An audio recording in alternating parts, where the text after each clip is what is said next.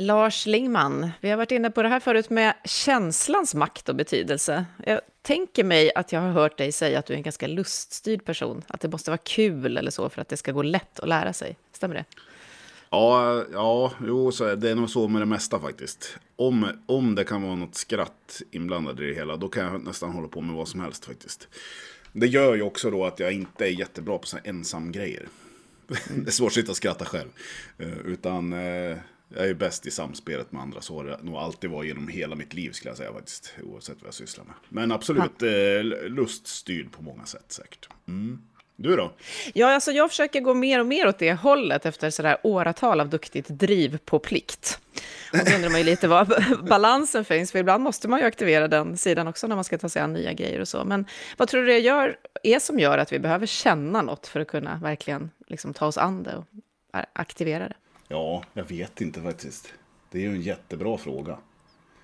Men jag tänker väl att det är väl för att vi vill känna någonting. För att vi ska kunna göra någonting. Om vi bara går runt och är tomma i oss när vi håller på. Då blir det ju, yeah, åh, det var tråkigt det blir då. Och det, blir, eh, det tar lång tid och det blir segt. Och det blir inga drivkrafter. Men om vi känner någonting. Om det är ett skratt då, eller plikt för den delen. Så kan vi nog få ganska mycket gjort, tänker jag. Livslångt. En podd om lärande.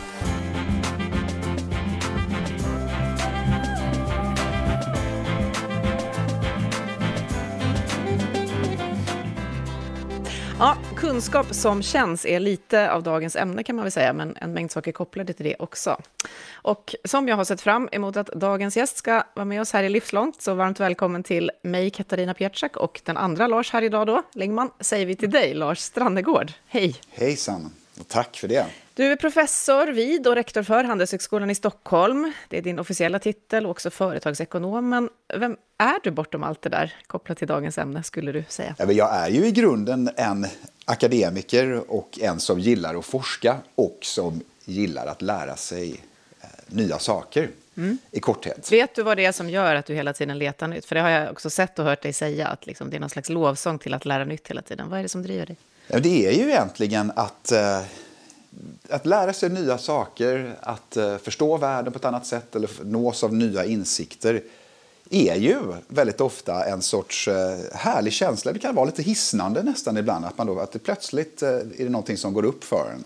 Det här att man säger att, att plötsligt föll poletten ner eller någonting sånt där. Det är ju liksom en känsla just att det är det där aha upplevelsen eller att man faktiskt ser någonting som man inte har gjort tidigare. Det är ju en, eh, det tycker jag är en, en drivkraft eh, som, är, som i alla fall stimulerar mig väldigt mycket.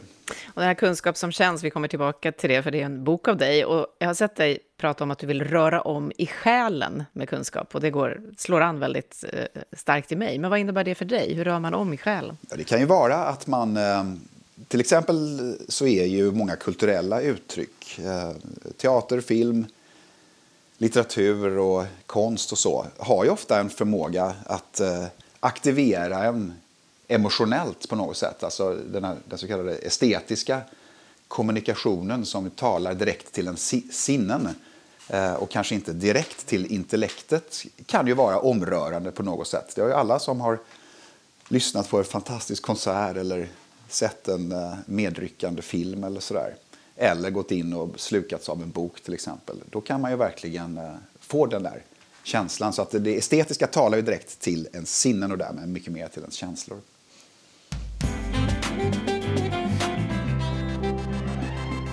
Frågade Lars Lingman här i början om vad, vad det är som gör att det behöver kännas just då för att man också ska orka ta sig an all den här nya kunskapen. Hur, hur mycket, eftersom du har skrivit nu en bok, Kunskap som känns, vad fick dig att skriva den? Saknar du att vi pratar om kunskap och lärande på det sättet? Ja, det gör jag lite grann därför att eh, egentligen är boken det är en essäsamling kan man säga som handlar om eh, utbildning, lärande, eh, forskning, kultur etc. Så det är egentligen ett antal betraktelser kan man väl säga. Eh, där jag egentligen försöker bena ut varför jag tycker att man behöver se lite annorlunda på utbildning eh, jämfört med hur vi ser på det idag. Och eh, det är mycket av det som finns i den boken som också fungerar som ett slags bakgrundsraster egentligen till det som vi sysslar med på Handelshögskolan eh, numera och eh, den syn på, på lärande och kunskapsbildning som eh, jag tycker egentligen blir mer och mer angelägen. Och kortfattat kan man säga det att i Sverige så har vi ju en, eh, en tradition av ett väldigt egentligen eh, ingenjörsmässigt syn på, på utbildning och lärande. Mm. Och våra universitet är ju enbart egentligen intresserade av den kunskap som är, ja, egentligen kallas för episteme, alltså den som är bokkunskap, den som går att läsa in, den som går att tenta av, den som man verkligen kan se och egentligen binda in på något sätt och eh, få ner på pränt. Ehm, men sen är det ju så att eh, om man tittar på många andra eh, lärosäten, högprofilerade sådana i till exempel anglosaxiska världen, där bryr man sig också väldigt mycket om ehm, till exempel vilken typ av, eh, ja, liksom människan som helhet egentligen. Där man, där man då tittar bara på hur, hur de estetiska, eller hur miljöerna är, eh, är utformade, föreställer sig ett, ett campus på ett amerikanskt universitet eller det faktum att det finns massor med sport och idrott som är allstädes närvarande där. Det handlar liksom om en syn som är uh, mycket mer holistisk egentligen. Att det finns, det går liksom inte att föreställa sig Oxford och Cambridge utan rodd eller ett amerikanskt universitet utan alla sportanläggningar och så. Uh, och det finns en anledning till det och, och, det har att göra med att man, att man, det som typ Anders Hansen har uppmärksammat oss svenskar på uh, idag, att det finns en koppling mellan idrott och och rörelse och intellektuell prestation. Just det. Och också det faktum att det finns eh, eh väldigt ofta då, ja, till exempel eh, konsthallar, museer eller eh, också då andliga byggnader såsom kyrkor och eh, etc. där det faktiskt lämnas utrymme för en annan typ av, av själslig mognad. Och det är liksom lärosätena som tar detta eh, till sig eller, eller, eller, eller ser det som en del av det de, det de erbjuder. Medan vi i Sverige eh, är helt inriktade bara på det rent tankemässiga, det här, den här epistemen, själva kunskapen i sig. Och då tror jag i en värld av, av ökande inslag av, av maskiner, robotar etc Eh, som vi faktiskt blir duktiga på just den, det, det intellektuella arbetet så att säga, så, så, eh, så finns det en potential i att utveckla sig själv som människa mycket mera. Mm. För att man därmed inte ska behöva konkurrera så att säga med maskiner utan snarare eh, gå i armkrok med dem in i framtiden. Så det är liksom en, att om man är för endimensionell i utbildningen eh, och inte tar eh, tar tillvara på den, den fulla potential som finns i att vara människa, då missar man en stor del av eh, ja, liksom, eh, egentligen framtida konkurrenspotential. Ja, jag blir lite här, det här att Sverige, att vi är ett ingenjörsland, det kommer tillbaka till oss, inte alls sällan alltså. Och det är ju förstås naturligt. Man blir lite nyfiken på när exakt vi cementerade det så fast som vi har gjort då. Eh, men du sa att nu är det ännu mer relevant kopplat till den utvecklingen som vi är i, människa, maskin och så. Så om, om jag ska gå någon slags fortbildningssammanhang då, eller jag kanske bara vill lära mig själv något nytt. Hur, hur ska jag liksom aktivera allt det här andra? Hur ska jag leta efter känslor eller något annat för att lära mig som bäst? Vad ska jag titta efter i utbildningskatalogen? Liksom? Men jag tror kanske inte just att utbildningskatalogen är det allra bästa att göra egentligen, utan, utan eh, det som är hela poängen med detta med ordet utbildning är ju intressant i sig. Därför att eh, det, det, det, föreskriver nästan, eller, eller föreslår att, att, man, att man är liksom utbildad, att man är färdig, att man har fått en okej-stämpel, liksom dockan i, i Kalankas julaftonsfabrik. Mm. Eh, då är man liksom okej utbildad och färdig. Men eh, om man istället stryker prefixet i det där och ser på själva bildning och ser vad det är för någonting egentligen. Ja, då finns det en, eh, Ellen Key har en gång sagt att, den, att bildning det är det som finns kvar efter vi glömt allt vad vi lärt oss. Fint. Och den lite putslustiga eh, formuleringen är ganska bra därför att ja, det, det, det, det betyder att att eh, det är inte alls som man kanske vardagligt använder det här med bildad, att någon kan liksom, ra, rapa upp en massa årtal eller, eller recitera dikter och så.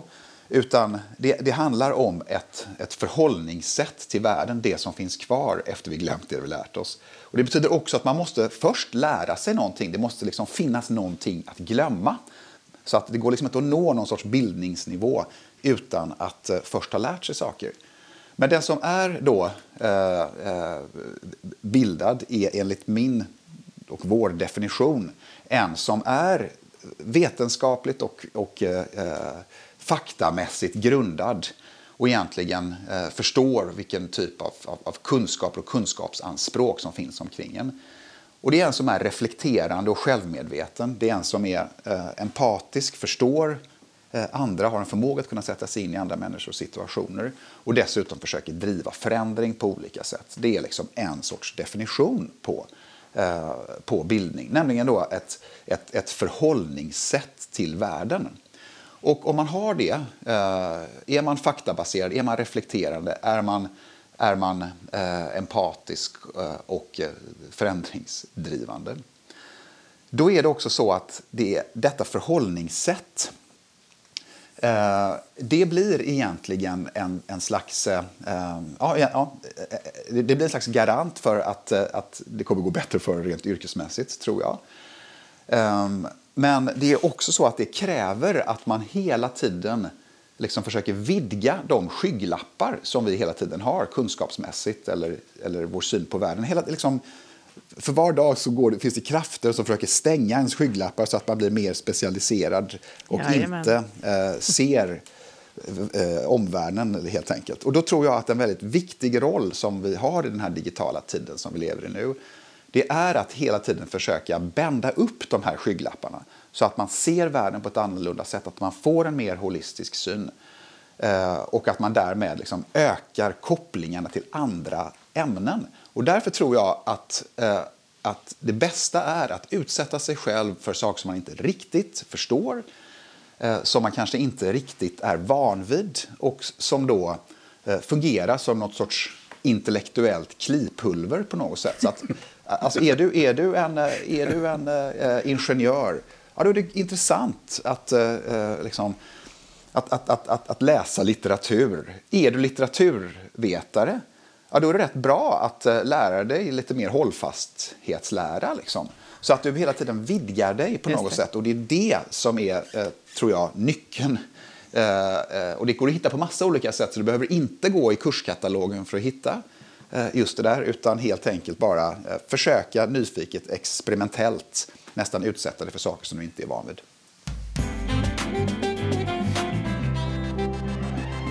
Vi har haft med en kollega till dig eh, som pratade om det här med bubble hopping. Ja. Som det är det du beskriver nu, att hålla sig mellan kontexter. Och jag står och återkallar, jag vet att jag för många år sedan när jag själv sa upp mig och skulle jobba liksom som egen, så fick jag höra att du är så här jack of many trades and master of none. Vilket jag upplevde som väldigt då förnedrande faktiskt i den situationen. Men det var just för att det är för många perspektiv. Jag orkar inte ta in dem, jag kan inte definiera dig. Mm. Och nu beskriver du precis att många perspektiv är det som kanske skulle kunna leda dig framåt även yrkesmässigt. Kanske behöver vi en bildningskatalog. Mm. Eh, Lars Lingman, vad, vad tänker du när du hör det? Ja, men, eh, jättemycket intressanta tankar som far runt i huvudet. En sak som är väldigt närvarande för mig det är att jag har en, en son som tränar amerikansk fotboll. Eh, och det gör ju då att det är ganska naturligt att börja fundera på okay, ska, ska, jag gå, eh, ska jag gå college i USA och så vidare. Och då får man ju verkligen syn på den här, den här vä, helt väsensskilda grejen med hur sport förhåller sig till skolan som institution i USA och mot här i Sverige. Jag tänker att det kommer lite grann av att eh, i Sverige så är ju den sportsliga utövningen bundet av olika klubbar där det är föräldrarna som engagerar sig och skapar förutsättningarna för träning på kvällar och helger och så vidare när föräldrarna är med som tränare och så. Vi har liksom inte den här traditionen av att det är på samma sätt som det är i USA bundet till skolan. Det är skolan som har tagit det ansvaret på något vis i, i USA.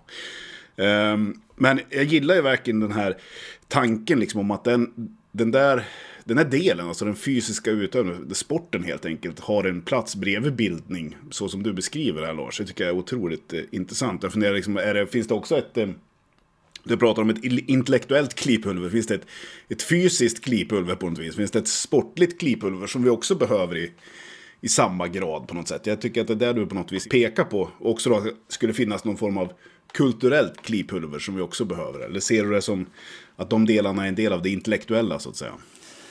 Nej, men det är just, eh, jag håller verkligen med, men, men eh, jag har inte riktigt använt ordet kroppsligt kli ännu. För att Ganska det, låter, det låter som något annat. Men, äh, ja. nej, men absolut så... så, så ja, det är också så här att nu, på Handels så har ju vi också lite grann försökt att artikulera väldigt mycket sådana saker som alltid har varit självklara kanske. Men det faktum att, att en utbildning, eh, den handlar inte bara om själva innehållet och kurs, de kurser som man går och eh, det stoffet som finns, det som, vi, det som man säger då, the content.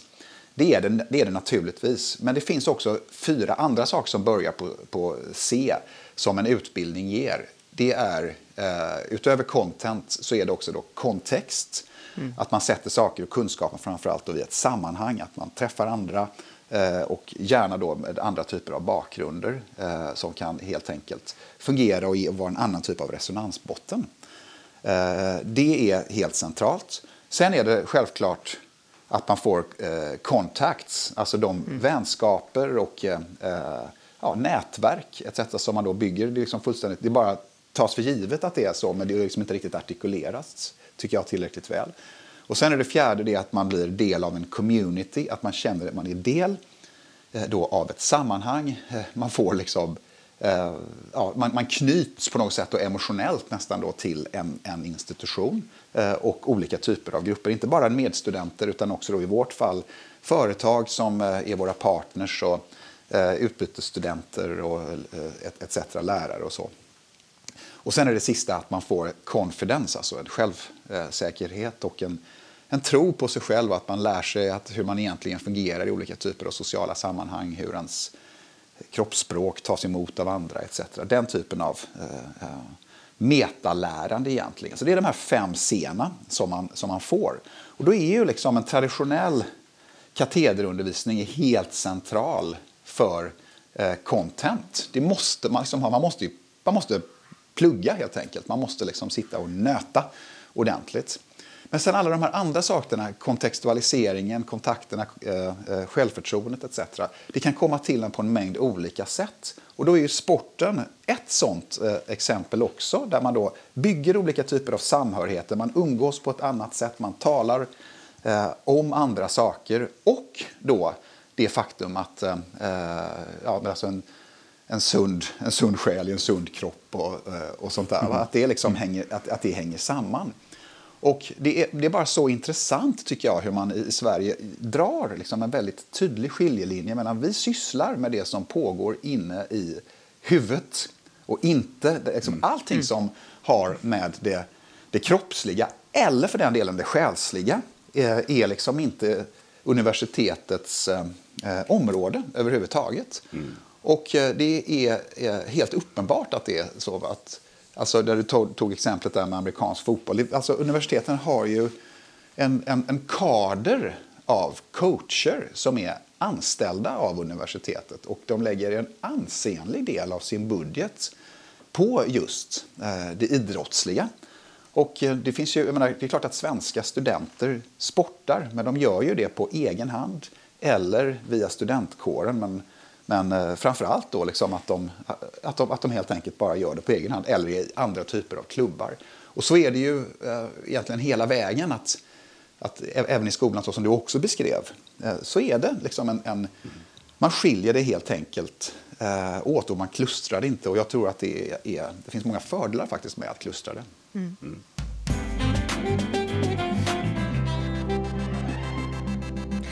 Jag som då inte är lika sportsligt inriktad, tror jag, som eh, Lingman här, men ändå gillar att röra mig. Kanske kom det sent för att jag då inte fick göra det på universitetet eller så. Det kom i alla fall ganska sent innan jag började så här ordentligt träna och förstå hur mycket det gjorde för välbefinnande. Men det här med skönhet, eh, och då är vi inne på själen tror jag, skönhet i undervisningen som något viktigt eh, brukar du prata om. Vad då för skönhet? Vad är det för, för lärande med skönhet som vi behöver för att verkligen kunna lära gott också? Ja, men det, är, igen, det behöver inte vara just skönhet i den meningen, men däremot så är det just det här estetiska, att det är det som talar till ens, eh, till en sinnen på olika sätt. Och vi eh, har ju nu då en väldigt stor, på Handels har vi ju en, en eh, ganska rejält ambitiös satsning på Eh, just samtidskonst kan man egentligen säga. Så vi har utställningar, eh, vi har, vi har konstnärer som, eh, som gör artists talks, vi har en växande samling, vi har workshops etc. Och det handlar om att eh, egentligen eh, fånga frågeställningar som, som eh, vi inte lyckas eh, få in i den ordinarie undervisningen kan man egentligen säga. Därför att mycket av samtidskonsten fungerar ju dels som ett sorts lackmuspapper. Alltså, eh, samtidskonsten är ju det för, för relevanta och viktiga frågor som betyder någonting i samtiden. Eh, och då kan vi ta upp många av, de, av, eh, av den typen av frågor och vi kan också då presentera för våra studenter olika typer av, av konstverk eller infallsvinklar som eh, de inte riktigt har tänkt på tidigare eh, Eh, eller har hört dem på det sättet eh, eh som, som eh, konstnärer kan göra. Ett exempel är ett rum nu som vi har gjort, eh, eller som en konstnär som heter Jakob Dahlgren har gjort. Han har gjort en totalinstallation av ett av våra klassrum. Och han arbetar inte med penslar utan med så kallade ready-mades, alltså färdiga eh, produkter av olika slag och sen så skapar han abstrakta mönster av dem. Och då eh, är det han använder väldigt mycket av i sin abstrakta konst är mätinstrument. Så han har vågar, linjaler, eh, måttstockar, eh, måttband, eh, tumstockar och så. Och sen så bildar han liksom mönster av de här. Och då blir det bara ett, ett rum som är just eh, mönstrat och egentligen bara eh, abstrakta former. Men då kan vi i det rummet med honom och också med andra inbjudna gäster diskutera eh, till exempel eh, varför vårt samhälle har blivit så mätfokuserat och vad det är som händer ja, vad, det är, vad det är då vi, vi, vad det är som händer, vad det är som går att mäta, vad som inte går att mäta. eh, vilka, vilka krafter som ligger bakom vårt, eh, vårt behov eh, och önskan att mäta saker och ting. Och vi kan också tala om abstraktioner och det abstrakta tänkandet. Det är liksom ett sorts igen då, metatänkande omkring eh, vad tänkande är faktiskt. Och en högre utbildning handlar ju i allt väsentligt om att lära sig att tänka abstrakt. Ta en balansräkning, resultaträkning som är central för oss på Handels. Då. De, är ju, eh, de är ju abstraktioner av verkligheter.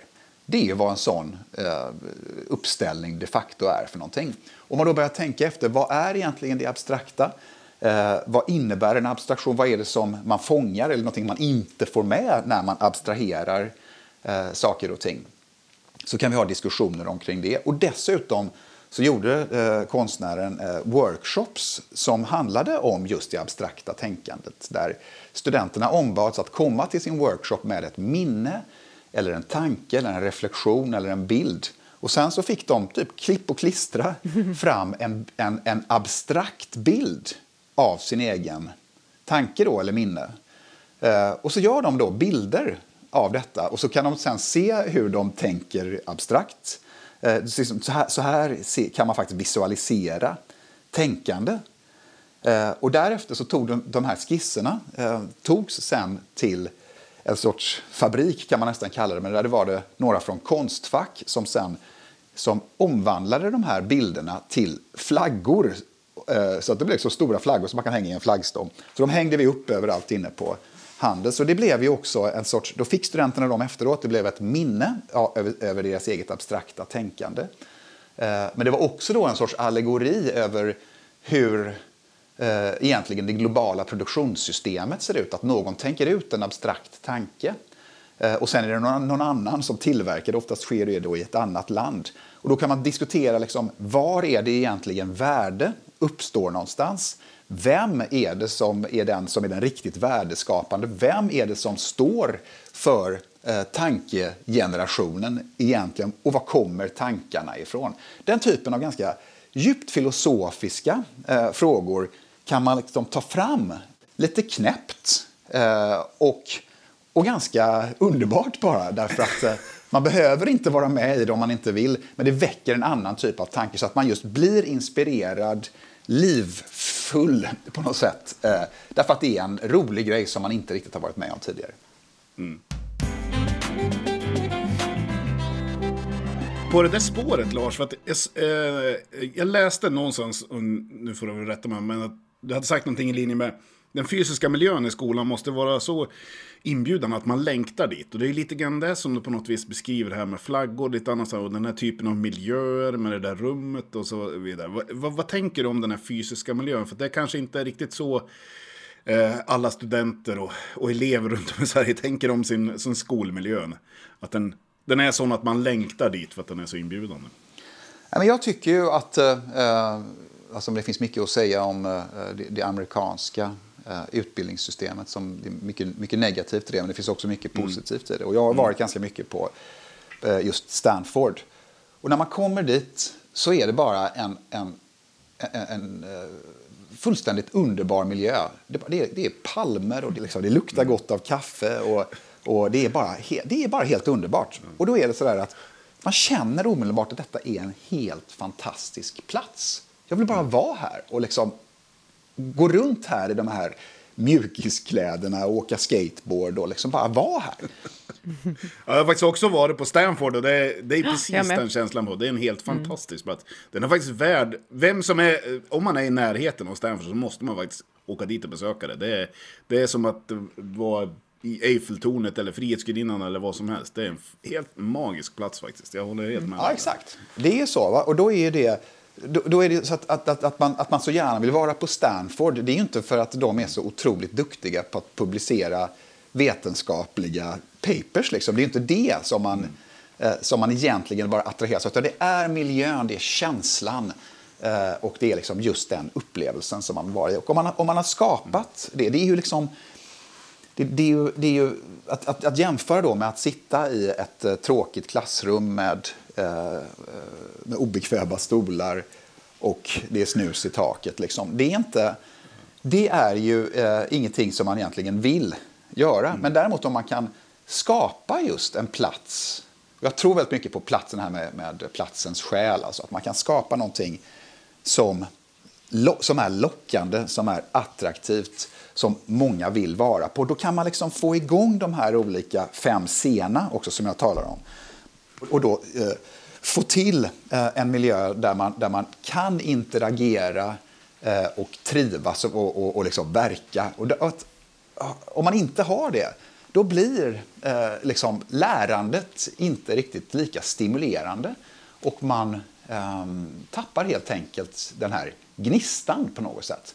Så jag tror otroligt mycket på eh, att, att, att med en, en eh, estetiskt medveten utformning eh, som är människovänlig eh, då blir det också en, en annan typ av miljö som i sin tur sen då eh, kommer att, kommer att eh, eh, generera bättre kunskap och forskning och utbildning. När, när man hör dig prata om det här så känner jag ju förstås väldigt mycket, liksom, precis sådär, ja. så. Ehm, och jag står och tänker på liksom vad som krävs för att människor ska känna sig trygga med det här. Jag gillar ju att utmana ord, det vet alla som har jobbat med mig. Ordet utbildning, som du också var på, Lars, har jag många gånger utmanat. Ett annat ord som ofta kommer upp här i podden, men i olika sammanhang, och senast häromdagen när jag föreläste i ett utbildarnätverk, är ordet flum. Och det kommer ofta upp kopplat till sånt som man kanske inte särskilt på arbetsplatser, men även i utbildnings och skolsammanhang, inte riktigt ser då i det här ingenjörslandet Sverige med vår tradition, vad det har där att göra. Som det vi har pratat om nu, själ, känslor, skönhet, estetik, kanske konst. Eh, I den här föreläsningen så var det ett industriföretag som hade börjat med några lärande luncher eller något sånt och spelade musik och folk reagerade väldigt starkt på att det var något konstigt och inte hörde hemma. Då, så Eh, vad, vad, tänker du att vi kan göra för att liksom fler ska känna att det här är tryggt? Att hjälp, hjälpa folk ombord på att det här faktiskt ger någonting? Att, att, att, vi, jag tycker inte att vi riktigt löper den risken eh, på Handels därför att vi, är, vi anses ju vara ett ytterst liksom, ja, vad ska jag säga? Vi har lite marginal till flum. Ja, ja precis. Tack. Vi har lite marginal till flum. Så är det ju. Så att vi, så att det, där har vi ju liksom lite, lite tur. Därför att om, vi hade lagt ner vår nationalekonomiska institution och, och stängt ner vår eh, forskning i finansiell ekonomi, ja, då kanske folk skulle kunna tycka att det där är är, är någonting som är konstigt. Va? Men, men eh, jag tror ju väldigt mycket på att bara om man lägger till saker och ger det som ett erbjudande eh, därutöver, så att säga. Då tror jag, och, och, att man också artikulerar och förklarar varför man gör någonting. Om man bara sätter igång liksom med eh, frigörande dans, typ, då tycker ju folk att de förstår liksom inte riktigt varför, eller ser inte riktigt varför. Om man, men om man kan rama in det på ett bra sätt, då eh, blir det inte speciellt konstigt. Att om du då, som till exempel på, Eh, igen tar vi då Stanford, då, som har sitt, eh, den, den, den, stora närvaron av det kyrkliga till exempel. När man åker upp för den här Palm Drive så är det första man ser så är den stora katedralen på något sätt. Och det är någonting, det är liksom en total mismatch egentligen mellan vetenskap och tro på något vis. Det är någonting som vi i Sverige håller helt isär. Eh, men där har det blivit en naturlig del av det. och Det blir också ett sätt att kunna um, prata om det som någonting som inte är konstigt utan det finns bara där. Uh, och, det liksom, och, det, och det gör miljön mer um, livgivande. Och det är heller inget tvång på att man ska, att man ska gå i kyrkan i det här fallet. Då. Och uh, om det exemplet som du tog nu med det här företaget som hade höll på med med musik och så, om alla ska tvingas in och göra det, ja, då kan man tycka att det blir eh, eh nästan integritetskränkande. Men om man ger det som en möjlighet och säga det här är för vissa, det är inte för alla. Eh, men välkommen att pröva på om ni vill. Och anledningen till att eh, ni nu erbjuds detta är eh, A, B, C. Så att jag tror väldigt mycket på just ett vänligt erbjudande. Och om man har det så ökar liksom menyn av möjligheter och därmed så blir också en plats eller ett företag, organisation eh, mer stimulerande och intressant.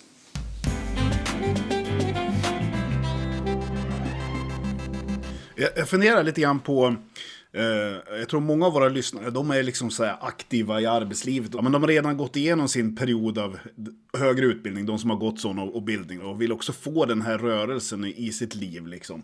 Hur, hur, hur, tänker du om när man är så att säga i när man är i, i karriären, när man är i yrket och så vidare. Vad ser du som, Katarina ger ju några exempel på hur företag försöker liksom knuffa eller få arbetskraften att gå i en viss riktning eller få en, en, en bildningssituation och så vidare. Vad tänker du om det här, när, det här arbetsnära lärandet? Liksom? Vad, vad, kan vi, vad kan vi tänka om det? Det som alla letar efter, den lärande organisation. Ja. Mm. jag, jag tror eh, då verkligen att, igen, den här eh, idén om att man, att man måste eh, se till att ens skygglappar inte stängs igen, tror jag är otroligt viktig.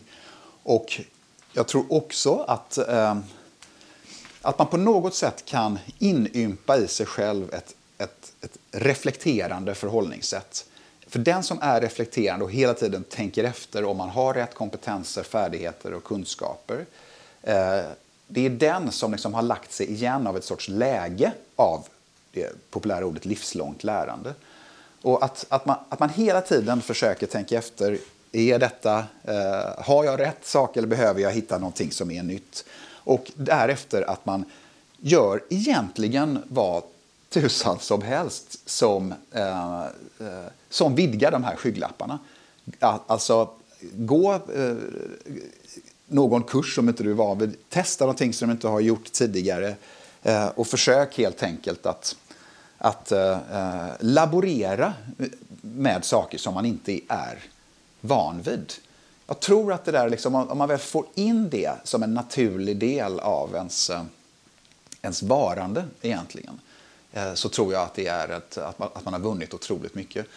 Och det kan ju vara allt då ifrån, ja, till exempel att man är med i en jag säger en bokklubb till exempel. Otroligt eh, sinnesvidgande och eh, eh, stimulerar ens eh, analytiska förmåga, anser jag. Om man dessutom då talar om det sen eh, tidigare. Till att då ja, men gå en kurs i typ programmering eller eh, lära sig att förstå hur egentligen koldioxidneutral ståltillverkning kan komma, om man inte nu håller på med det. Här. det, är liksom, ja, men, det, det hela tiden är det, är, det, är det just det där, att man, att man, att man får någonting eh, nytt helt enkelt som man inte riktigt har tänkt på tidigare. Och se den här enorma potentialen som finns i, i det mänskliga eh, faktiskt.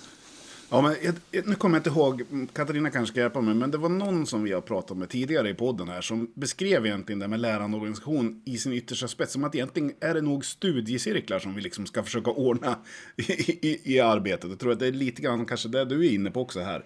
Mm, och, och Petri tänker... Salo som är professor ja, i vuxenpedagogik okay, i Åbo. Ja. Ja.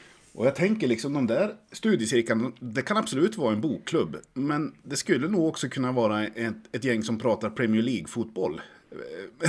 ett gäng på arbete liksom. För att det, det kan också ha samma liksom då jobbar man mycket med de här fem scenerna som du beskriver, även om det innehållsliga kanske har en annan vinkel. Men det där tror jag väldigt mycket på när man funderar över det. Ja, vi ska vara en lärande organisation. Ja, men det kanske är den här vägen. Någon form av sån här studiecirkeltanke som, som begrepp kan vara nog så utmanande. Men och då tänker jag på det vi ofta kommer in på då när, man, när vi pratar om organisationer, det är ledarnas plats. Eh, och du har nu pratat om, läs en bok, sa du, eh, Lars. Eh, och jag vet att ni gjorde en undersökning av just näringslivets eh, läsvanor, för att det fanns någon slags bild av att, eller nidbild av att näringslivet då inte håller på med bildning. Det här gjorde ni tillsammans med Bokmässan. Eh, bara till sist, vad fick er att, att göra det och hur viktig är den signalen som ni fick fram i den här undersökningen? Ja, men då är det ju, alltså Dels så har vi ju en, en, en, utbildningstradition i Sverige som är väldigt eh, funktionell och väldigt tidig specialisering. Eh, alltså det är väldigt vanligt att man är ingenjör till exempel om man är i beslutande position i näringslivet eller ekonom eller jurist. Om man tar de tre yrkesutbildningarna så är det otroligt vanligt att man har någon av dem om man, ska, ja, om man, om man är på en ledande position i näringslivet. Eh, och då börjar man ju specialisera sig otroligt tidigt också. Jag menar, ta ekonomi. Vi har ju då hos oss är det mycket vanligt att man har gått ett ekonomiskt program på, på gymnasiet. Ehm, så har du läst tre år ekonomi på gymnasiet, specialiserad från att du är då ungefär 16 år eller så. Sen läser man tre år kandidatutbildning, specialiserad kanske på redovisning, tre år.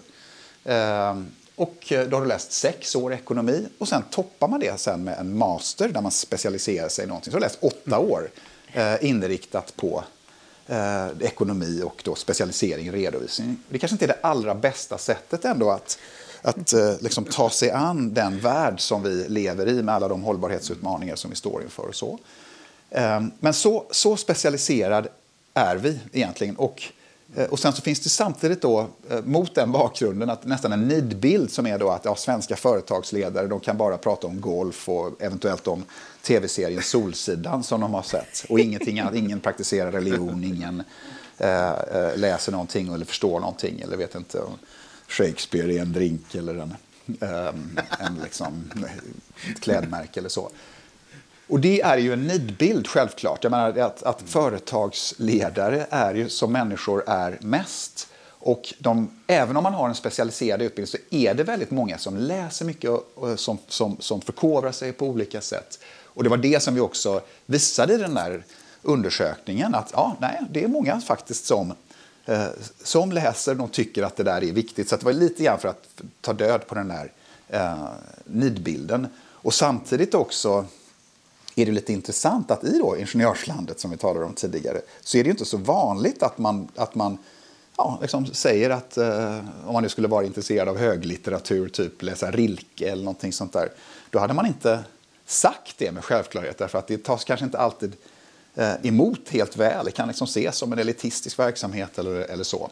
Eh, så att det, det, vi ville egentligen bara ta upp eh, detta, visa att, att litteratur och bildning finns i väldigt hög utsträckning men det finns också saker man kan tala om när det gäller detta. Så det fanns liksom, ja, både, både, både sanningar i det men de behöver, eh, de, de behöver liksom modifieras i väldigt hög grad och lite gråskalor som behöver introduceras. Mm. Och igen då, fånga in nya perspektiv och eh, att känna är väl eh, boken väldigt bra redskap för att få göra. Mm. Så jag tänker att det också bidrar till det. Mm. Ja, Lars, när, när, lärde du dig någonting sist som du verkligen kände? Var det någonting nyligen som kändes? Uh, ja, då måste jag verkligen tänka efter. Det som verkligen... Uh, ja, jag tycker ändå att uh, jag lär mig ändå dagligen faktiskt om människor och sociala och psykologiska mekanismer på något sätt. När man träffar människor eller interagerar med dem och kan vara både saker som man inte vill göra eller i arbetssituationer och så. Eh, så, så lär man sig också hur, ja, hur man själv reagerar på eh, hur andra beter sig till exempel. Så jag tycker att det är det, är en stridström av just lärande om det mänskliga och det känns ju helt klart. Det är verkligen någonting som jag också tycker att vi lär oss varje dag. Stort tack Lars Strannegård från Handelshögskolan för att du kom till mig och Lars Lingman i podden Livslångt. Tack så mycket. Tack så mycket. Och nu eftersnacket. Ja, intellektuellt klipulver var ju faktiskt ett underbart begrepp faktiskt. Du frågade när det kändes sist, då frågar jag dig, när kliade det sist? Vad, får, vad är ett intellektuellt klipulver? Vad kan det konkret ja, handla om? Ja, det måste, jag tänker att det måste göra lite ont, det måste vara någonting, men man måste också bli en sån här drivkraft att man ska skrapa lite på det, tänker jag. Det måste ju vara lite så. Mm. Jag vet inte om jag kommer på någonting så här rakt av nu, men det, det, ja, det måste alltså jag tycker Jag sitter just nu och läser väldigt mycket så där olika, och letar, det är inte så lätt att hitta, olika forskning ja. om hur vi lär oss. Eh, och ja. det är ju såklart det vi håller på med till vardags. Mm. Men, och då kan det vara lite så här att det blir ett motstånd nästan. Och det är så här, jag, jag, egentligen orkar jag inte riktigt. Och sen när jag tar mig igenom det så får jag ju som en sån känslomässig boost. Och det måste ju vara det där intellektuella kliphuvudet, att jag har, liksom, jag har skrapat fram det där. Så. Mm. Ja, underbart. Ja, jag håller på att skrapa på någonting där. Jag vill komma tillbaka. Jag byggde 3D-miljöer i digitala 3D-miljöer en period för 20 år sedan i dataspel. Så här. Och det, det, där har jag liksom kämpat med att komma tillbaka. Och nu är jag närmare än någonsin måste jag säga. Jag faktiskt tar mig an det här. det, där är det någonting som kliar. Eh, och det är ju någon form av utmaning där. Och sen gillar jag också det här som man säger, eh, det här citatet som tog upp. Det här med att bildning är det som kvarstår när vi har glömt ja, vad vi har lärt så oss. Fint. Ja. Det, var, det är ju, ja, Ellen Key. Ja, så fint alltså. Det är det verkligen... Man, mm. Det kan man behöva, det kliar lite grann. Mm. Vi kanske skulle ha det som effektmål när vi skapar lärande av olika slag. Ja. Sen när allt det här är borta som vi nu designar för, ja, vad är det då som är kvar? Mm, det ska jag också fundera över. Ja, men ehm, då säger vi ehm, trevlig helg eftersom det är fredag när vi spelar in och eh, vi hörs igen. Ha det bra. Bästa dag. Ja, Hej då. Hej då. Du har just hört Livslångt, en podd från RISE om allt det där man lär sig i livet. Vi hörs om en vecka igen.